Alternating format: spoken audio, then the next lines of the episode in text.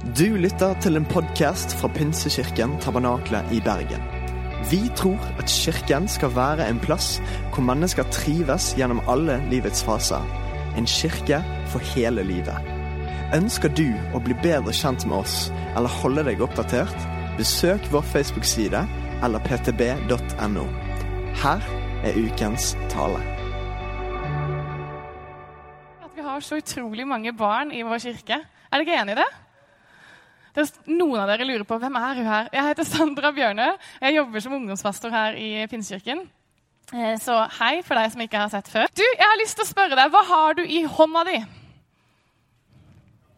En bibel? Noen har en bibel, noen har kaffe, et kamera.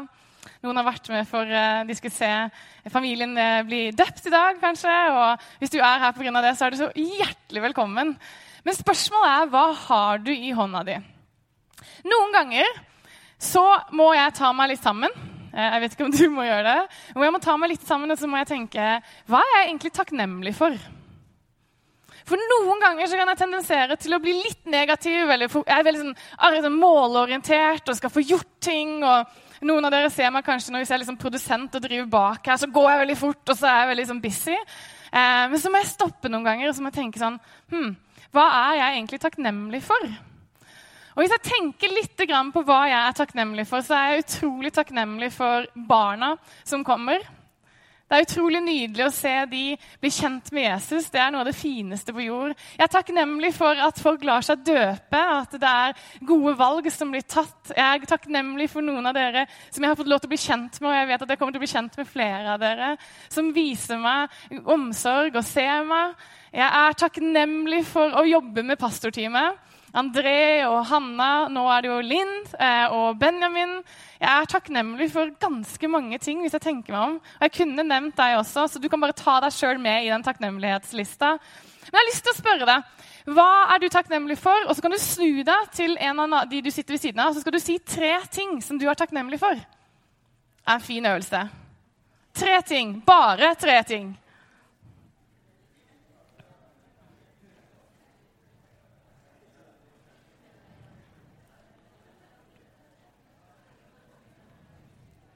Noen bare 'Jeg vet ikke om jeg orker, for det er så mange ting jeg er takknemlig for'.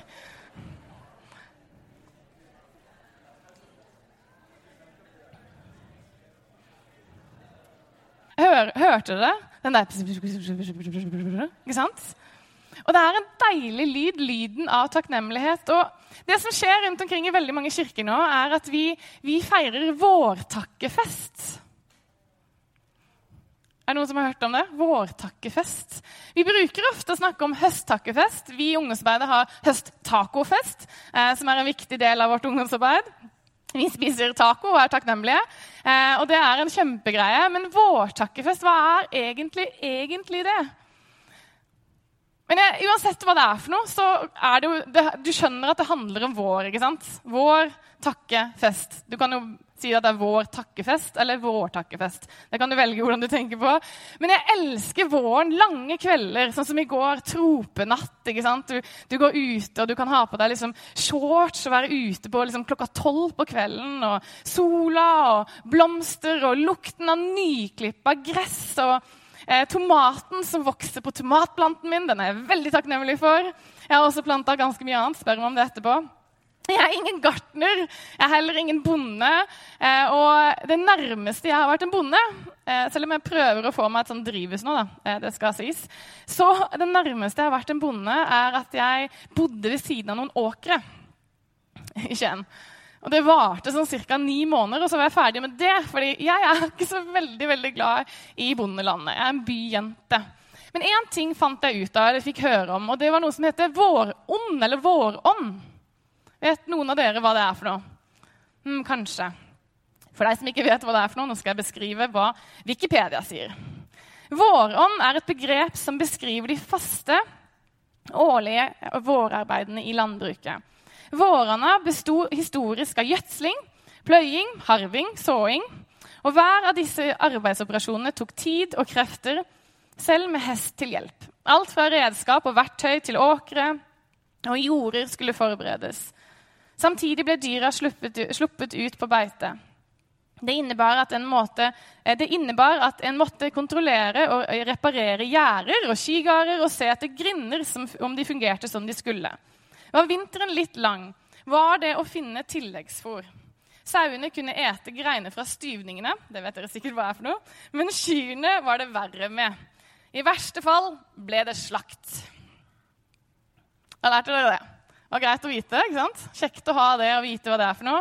Men vi har vårrengjøring, vi har vårdugnad og vi har vårtakkefest. Og egentlig det det handler om, er egentlig om å gjøre klart til vekst. ikke sant? Til å vokse og gro. Akkurat som vårrengjøring. ikke sant? Og vårdugnad, vårånd, så handler det egentlig bare om å se på det som har vært. Og kanskje rydde noe bort, sette noe bort, hente noe fram, vaske noe og gjøre klart for tiden framover. Det er den deiligste tiden. ikke sant? Vaske utemøblene, sette de fram, sitte i sola. Og Det er egentlig det vi ønsker å sette litt fokus på i dag. Vårtakkefest, en slags vårdugnad.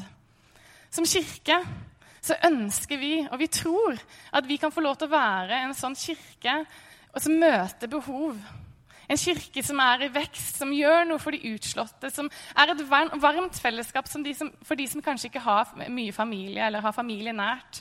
For de som er nye i landet, så ønsker vi å være en varm kirke. Et sted hvor barn og unge og voksne og eldre skal få lov til å finne sin plass i kirka. Og Det som er så utrolig nydelig med et skifte av sesonger, er at det hjelper oss egentlig bare å sette litt fokus, ta litt vareopptelling er det noen som har jobba med butikk, så vet du hva vareopptelling er. Finne de tingene som vi er takknemlige for, og gjøre klart for neste sesongen, sommeren. Og så veksten, og så høsten og innhøstingen. Det handler egentlig bare om å være takknemlig for, det, for alle Guds velsignelser og så se framover om, om, hva vi ønsker å se, og hva Gud ønsker å se for kirka og for byen og for vårt eget liv. Vi kommer til å ha en medarbeiderfest om eh, noen uker. Den bør du få med deg for deg som er medarbeider eller har lyst til å bli medarbeider. Kom 13. juni. Eh, og det, da fikk du litt inn, eh, reklame også. Da ønsker vi å løfte fram alle barna og barnefamiliene som har fått lov til å finne sitt hjem i den kirka. Vi ønsker å si det har vært så fint å se at ungdomsarbeidet får vokse stabilt. Vi har lyst til å snakke om at det, det er gøy å se et, ungt, nei, et ungt voksent arbeid vokse opp fra scratch. Vi har ikke hatt det før. Vi har lyst til å fortelle historiene om de som har sagt ja til Jesus, som har sagt ja til å la seg døpe og få lov til å gå den veien og bli kjent med Jesus. Vi har lyst til å si det er så gøy å se folk bli en del av fellesskapet, life-grupper, tjeneste. Vi har lyst til å feire og takke for det. Vi har lyst til å fortelle historien om mennesker som har funnet sin plass i denne kirka her. Det er utrolig mye å være takknemlig for. Hvis jeg begynner å løfte frem ting, så kommer du også på en del ting. ikke sant? Kunne sagt noe fra alle arbeidene. RR eh, eh, eh, Jeg skal ikke si noe flere. Da, da, kommer jeg til å holde noen utenfor. Så bare putt inn din tjeneste inn der, eller hva du er med på. Men la oss for det om det er så mye bra, ikke bli så komfortable med at ja, men nå går det egentlig bra. og nå kan vi egentlig bare sette oss ned og slappe av, men at vi skal få lov til å strekke oss litt. Grann. Og kanskje gjøre klart for vekst. Kanskje er det en tid for å, å gjøre klart, vaske vekk noe, pløye, reparere litt, ta noen gode valg, noen små valg, noen store valg, som gjør at vi som kirke kan få lov til å bli et enda tydeligere lys i denne byen her. Vi er et lys, men kanskje det er på tide at vi skal få lov til å bli et enda tydeligere lys i denne byen her. La meg be. Herre, jeg takker deg for at du er her. Og jeg har lyst til å bare si tusen takk for den velsignelsen der å få lov til å kjenne deg. Og få kalles din, og få lov til å være nær deg. Jesus, jeg ber om at du skal bare velsigne de neste minuttene. La Putt ord i munnen min. La det få lov til å være noe som, som synker ned i hjertene på både meg og vi som sitter her. Jeg ber om at du skal vise oss nytt med deg. Vi er så takknemlige for alt du gjør, og vi har bare lyst til, har lyst til å si tusen takk. Amen. Jeg vet ikke med deg, men når jeg ser rundt meg, eh, når jeg ser på nyhetene når jeg ser, Du trenger ikke å gå langt, men du ser plutselig veldig, veldig mange behov. Stemmer det? Du kan få lov til å nikke litt. Du trenger ikke å svare. Men jeg kan føle at jeg ikke strekker til noen ganger, og det tror jeg nok de fleste av dere også kan kjenne på. At det er egentlig så veldig mange ting jeg skulle ønske jeg kunne gjort. Og så blir jeg litt sånn der, jeg kan plutselig bare sånn Wow, det er så stort! At jeg bare jeg orker ikke gjøre noen ting. Sikkert noen som kjenner seg igjen. Det er litt sånn som når du begynner med vårrengjøringa. Noen som kjenner seg igjen. Du begynner liksom med friskt mot. Du bare 'Nå skal det bli rent og fint i huset mitt, og alt skal få system.' Eh, så jeg skal, der skal det være, der skal det være. Til og med liksom skrevet ut lapper og putta på de skuffene der ting skal være. Så jeg har liksom virkelig planlagt hvor ting skal være. Men så kommer du til et punkt i løpet av dagen hvor du har holdt på i noen timer, og på midten av gulvet så ligger det en haug med ting som du bare ikke klarer å plassere.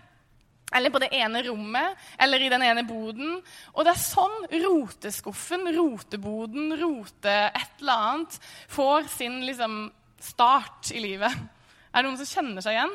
Jeg har liksom en sånn kurv som jeg bare stapper alt oppi. Eh, og så håper jeg at ingen drar ut den på kjøkkenet, eh, for da bare brr, så detter det sammen. Og Det er et banalt eksempel, men det er litt sånn at det kan bli litt mye til slutt. Det kan bli litt overveldende, for hva skal jeg gjøre med alt dette her? Jeg vet ikke hvor jeg skal putte denne. Og så kan man føle at behovene er så store, og i byen vår og i landet vårt og i verden. Det er så stort, det er så mye. Og jeg blir litt sånn, Da kan jeg ende opp med å bare bli litt negativ og trekke meg litt innover og bare ah, Jeg vet ikke om jeg orker dette her. I Markus 6 så leser vi en litt sånn her historie. Okay? Jesus han stikker for å være alene. Fetteren, fetteren, hans, Johannes, har akkurat dødd, blitt drept, og han er i sorg. Det er ganske, ganske stor ting når noen i familien din dør. Og han skal trekke seg litt til sides for å være alene. Men så skjer det som skjer når Jesus er rundt folk. Det er at Folk bare strømmer til. Og Jesus han er nydelig, for han bare får medfølelse for dem og begynner å undervise dem begynner å snakke til dem. Og de, Tiden går, og dagen går, og de er langt ute i ødemarka. Uten mat og drikke, og sola den steiker, ikke sant? sånn som det kan gjøre på sommeren. Og disiplene de bare ser det overveldende behovet av Folk trenger mat. Folk trenger drikke. Og så spør de på en måte Jesus, hva gjør vi nå? Du burde egentlig bare sende dem vekk. Men Jesus sa nei, dere skal gi dem mat. Og disiplene bare Her er min oversettelse. Men vi har nesten ingenting. Hvordan skal vi mette så mange? Og så står det her i teksten. Men Jesus svarte, dere skal gi dem mat. De sa, skal vi kanskje gå og kjøpe brød for 200 denarer, som er nesten en årslønn, så de kan få spise? Hvor mange brød har dere? spurte han. Gå og se etter. Da de hadde gjort det, sa de, fem brød og to fisker. Ok, stopp et øyeblikk. Hvis du setter deg inn i den situasjonen her, du er en av disiplene, se for deg det her. Jeg hadde i hvert fall latterliggjort hele greia. Litt sånn pessimistisk, litt negativ av meg, så hadde jeg sagt sånn derre Jesus, la oss være litt realistiske. Jeg hadde nok godt å sagt det til nå, for det er sånn typisk meg. Så jeg bare sånn her, Hør her nå, Jesus. Her er det ca. Eh, 20 25 000 mennesker jeg tror, og vi har så og så mye penger. Skal vi virkelig bruke alle disse pengene på å fòre disse menneskene? Er ikke det litt dårlig forvalterskap? Skulle vi ikke heller bare brukt pengene våre på noe bedre? Kanskje vi skulle bare sendt de av gårde? Deres ansvar. De valgte å komme her. Eh, vi har ikke noe ansvar for disse. Jeg tenker vi bare sender de hjem. Ser du ikke for deg at disiplene er litt sånn, litt sånn ironiske når de sier sånn Skal vi gi dem mat?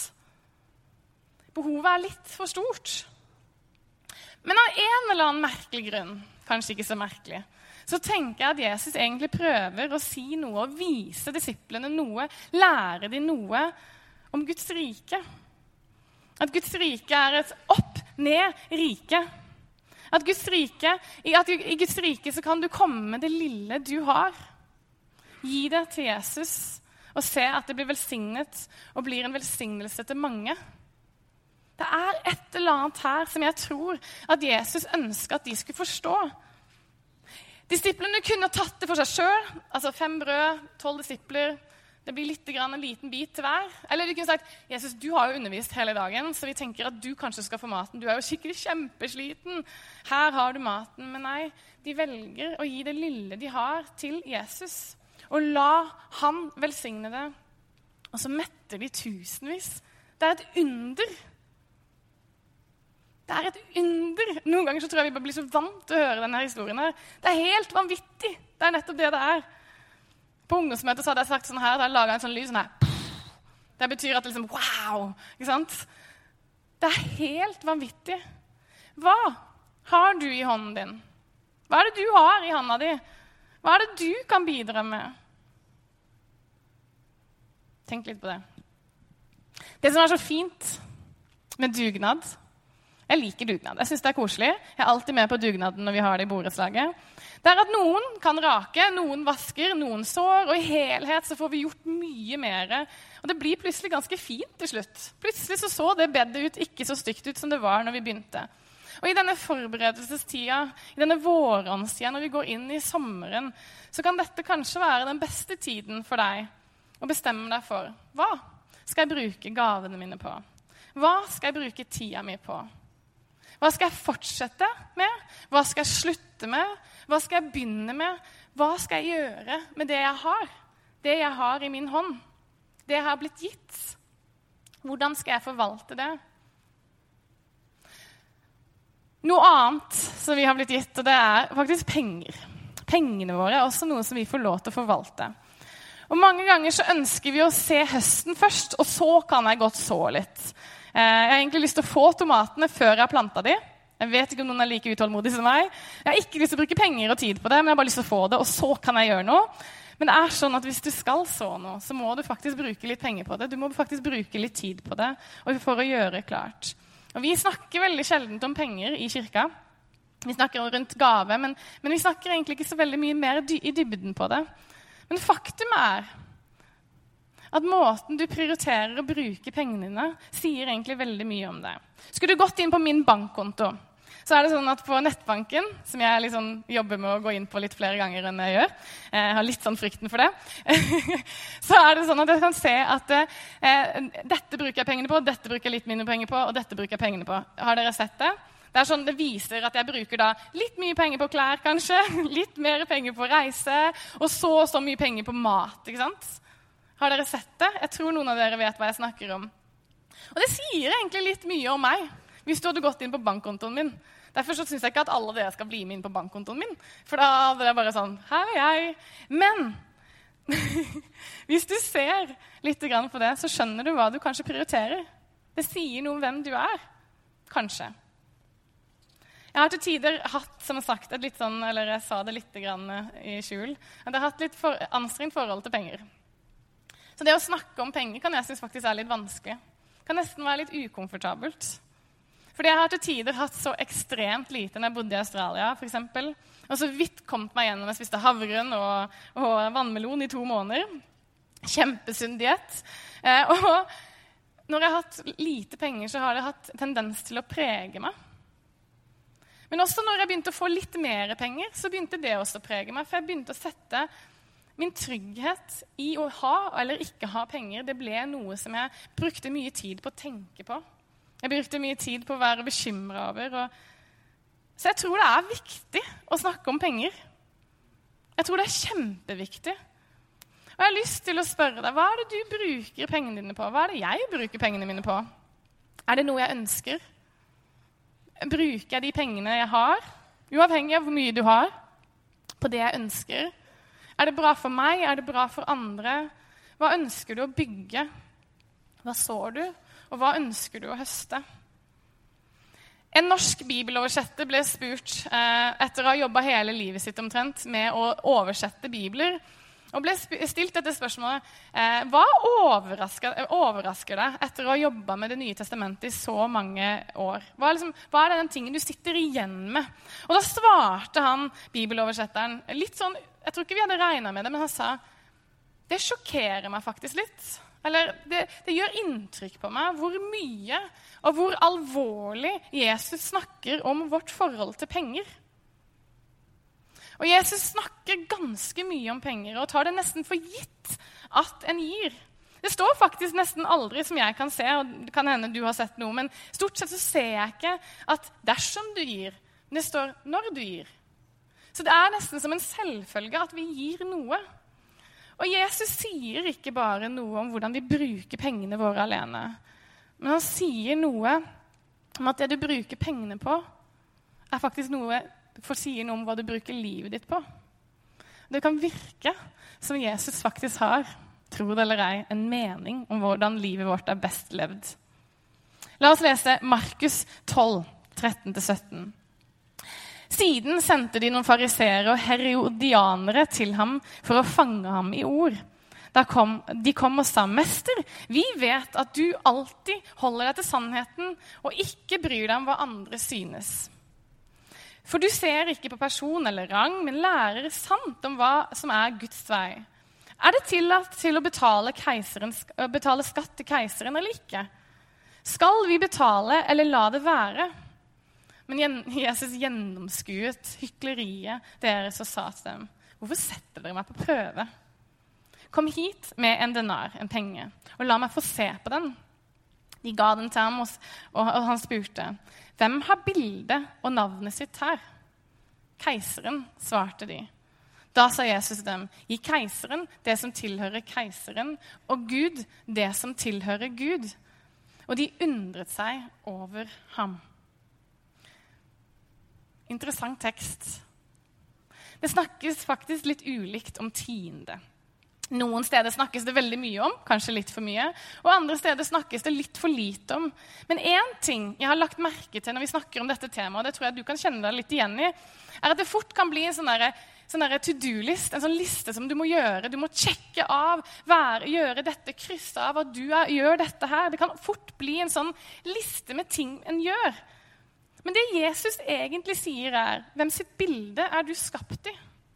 Akkurat som han så på den mynten, så så han keiseren. Så ser han på oss, og så ser han Det er jo Gud over hele oss, for vi er skapt i hans bilde. Så gi Gud det som er Guds sitt. Det er verken tiden, det er verken tiden din, det er verken en del av deg. Nei, det er hele deg. Det er faktisk alt du er. Full overgivelse. Jesus er ikke så opptatt av summen du gir, men han er opptatt av summen av deg. Hva er summen av deg? Hva sier livet ditt? Hva sier prioriteringene dine? Hva bruker du ordene dine på? Hva bruker du tida, di på? Hva bruker du pengene dine på? Det er faktisk en helhet her. Hva er hjertet ditt fylt av, for det taler munnen?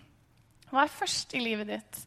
Jesus poengterer litt tydelig at en kan ikke tjene to herrer, penger og Gud. Og han utfordrer oss til kjernen plutselig så ser han at Jesus er ganske opptatt av penger, fordi det sier noe om hvor hjertet vårt er. Vi sier ofte at eh, når vi skal ha en gave, eh, gavesnakk, så sier vi at Gud elsker en glad giver. Og det er faktisk nettopp det det handler om. Og Det er ikke alltid at jeg føler meg glad når jeg gir. Jeg vet ikke om sånn, Du ler og så bare ha-ha-ha, liksom, gir bortover. Jeg vet ikke om du er sånn. Sånn er ikke jeg. Eh, så Kanskje jeg skal jobbe med meg selv på dette. Men jeg gleder meg over å få lov til å være med på noe som er større enn meg selv. For noen ganger så kan jeg bare Det blir litt mye meg. Det kan bli litt mye meg. Men det er så deilig å få lov til å være med på å bygge kirken både lokalt, men også kirken med stor K, globalt rundt omkring i hele verden. Og jeg tror at hvis dette fellesskapet, eller kirken, skal oppnå alt det Gud har for oss å gjøre og være, så trenger vi at alle bidrar. Og da mener jeg bidrar, og det kan se så forskjellig ut. Gir, ikke under press, men villig ut ifra ønske og hjerte. Summen av deg, valg, tanker, følelser etc. Du kan putte inn det du vil der. Jeg leste den siste uka om, eh, om eh, Pinsekirken Tabernakel i Bergen. For jeg tenkte at jeg må lese meg litt opp på historien. Jeg har litt å gå på her. Eh, så jeg begynte å lese litt. Og det som er så fantastisk Nå skal du få høre noe for deg som vet det, så vet du det. Men for deg som ikke har hørt det før, så tror jeg det her blir en sånn, dette også blir en sånn pff, opplevelse, eller aha-opplevelse. Det er at hvis du leser, så er dette bygget faktisk et vitnesbyrd på dette med en glad giver. Mennesker har ofra villig tid, gaver, talenter, ressurser og penger for at dette bygget skal stå her. Når du ser rundt deg nå, så tenker du sånn Ja, det er et flott bygg. Men du, jeg tror ikke du skjønner hvor mye som ligger til grunn for dette bygget. 40 år med innsamling har, har faktisk vært grunnen til dette her. Og masse tid og dugnad og arbeid ligger til grunn for at dette bygget skulle reise seg og bli det det er i dag. Det er faktisk den store drømmen om at de skal få lov til å være, og at vi skal få lov til å være, et tydelig lys midt i byen, midt i marken. Og I årevis har denne kirka fått lov til å bety masse for mange mennesker. Og det skulle vært veldig interessant å få høre alle historiene om menneskene som har gått inn og ut.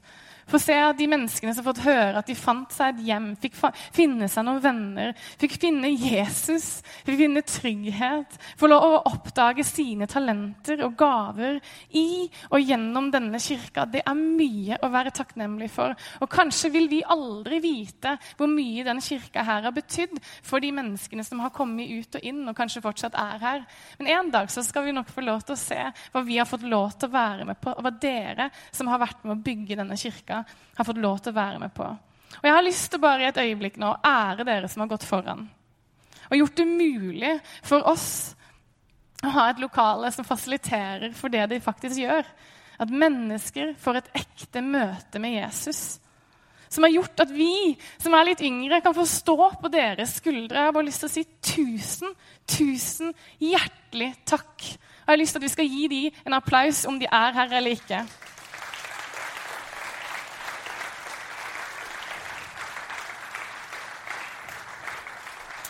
Men så kommer det en ny tid hvor vi skal få kunne fortsette å bygge videre på disse viktige grunnsteinene.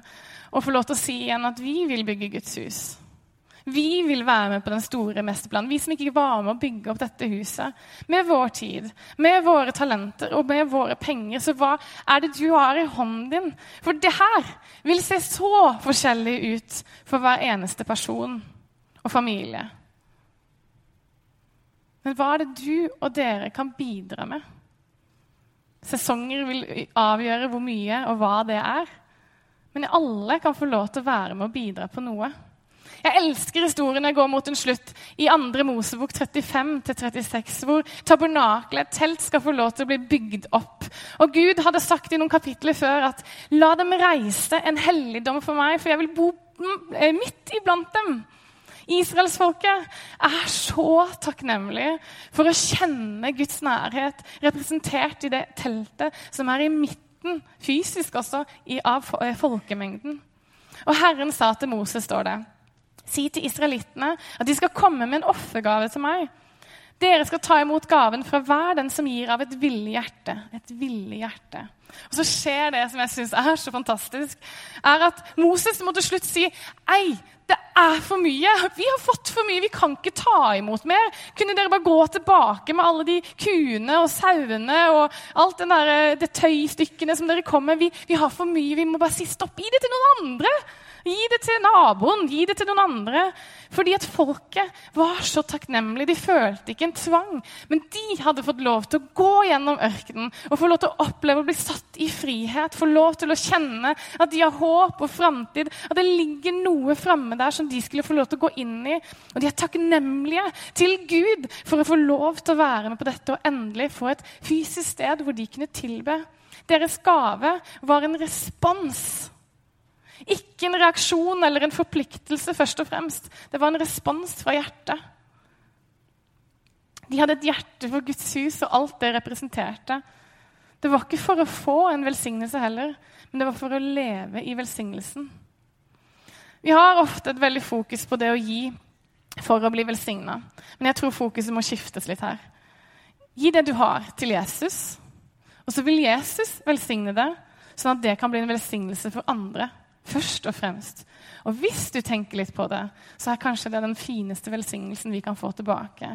Å se at mennesker blir berørt av det vi får lov til å være med på.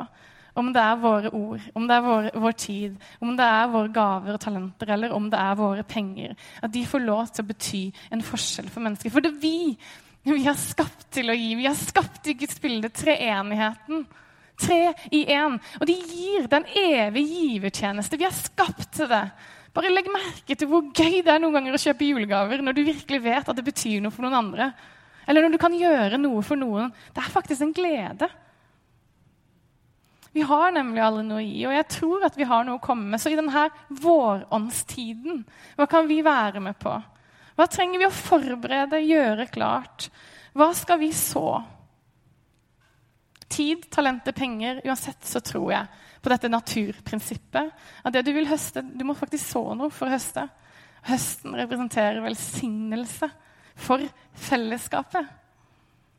I 2. Korinterbrev 9, 6-15, bandet kan komme opp, så står det det her. Men det sier jeg. Den som sår sparsomt, skal høste sparsomt. Og den som sår med velsignelse, skal høste med velsignelse. Enhver skal gi det en har bestemt seg for i sitt hjerte. Bestemt seg for. Ikke med ulyst eller tvang, for Gud elsker en glad giver. Å så sparsomt Å gi sparsomt, det er subjektivt. Det handler egentlig litt om hvor du er henne. Men noen av de mest sjenerøse menneskene jeg kjenner, har kanskje faktisk ikke så veldig mye.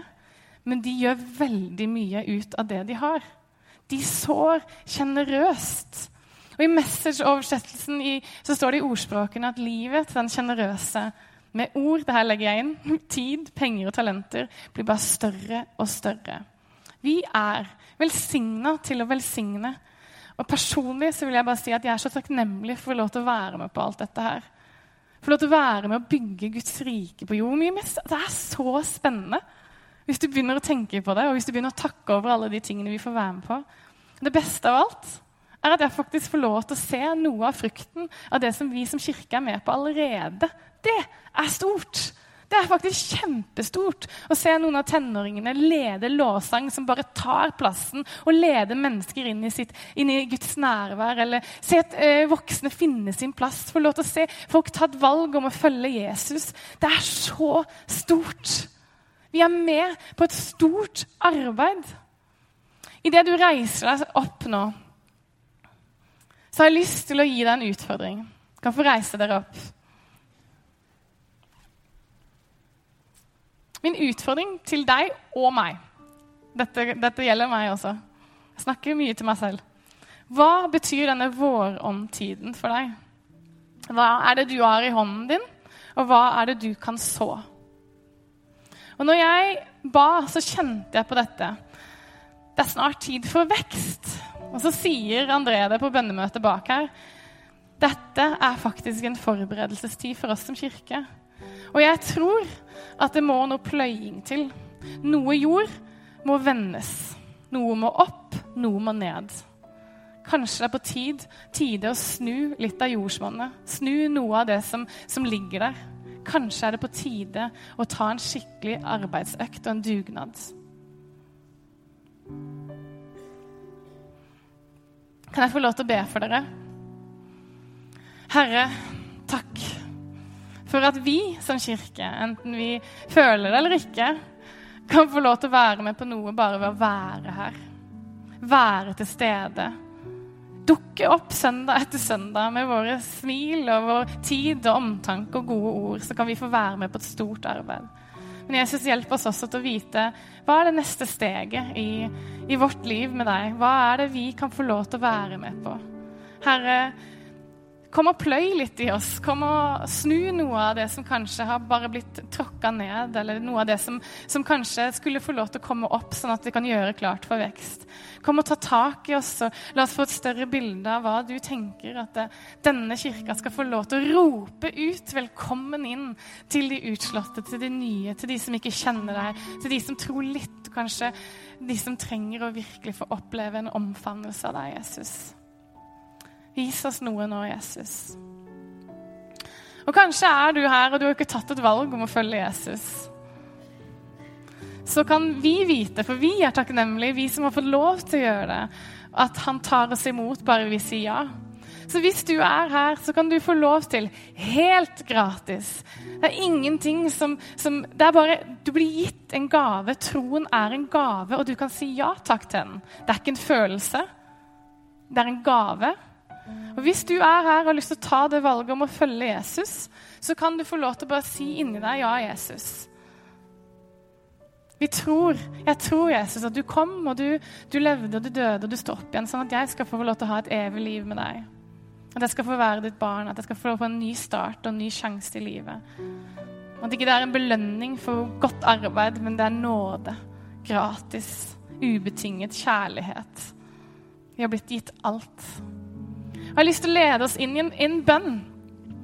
Og Den kommer opp på skjermen. Fordi jeg har lyst til at vi skal alle be den.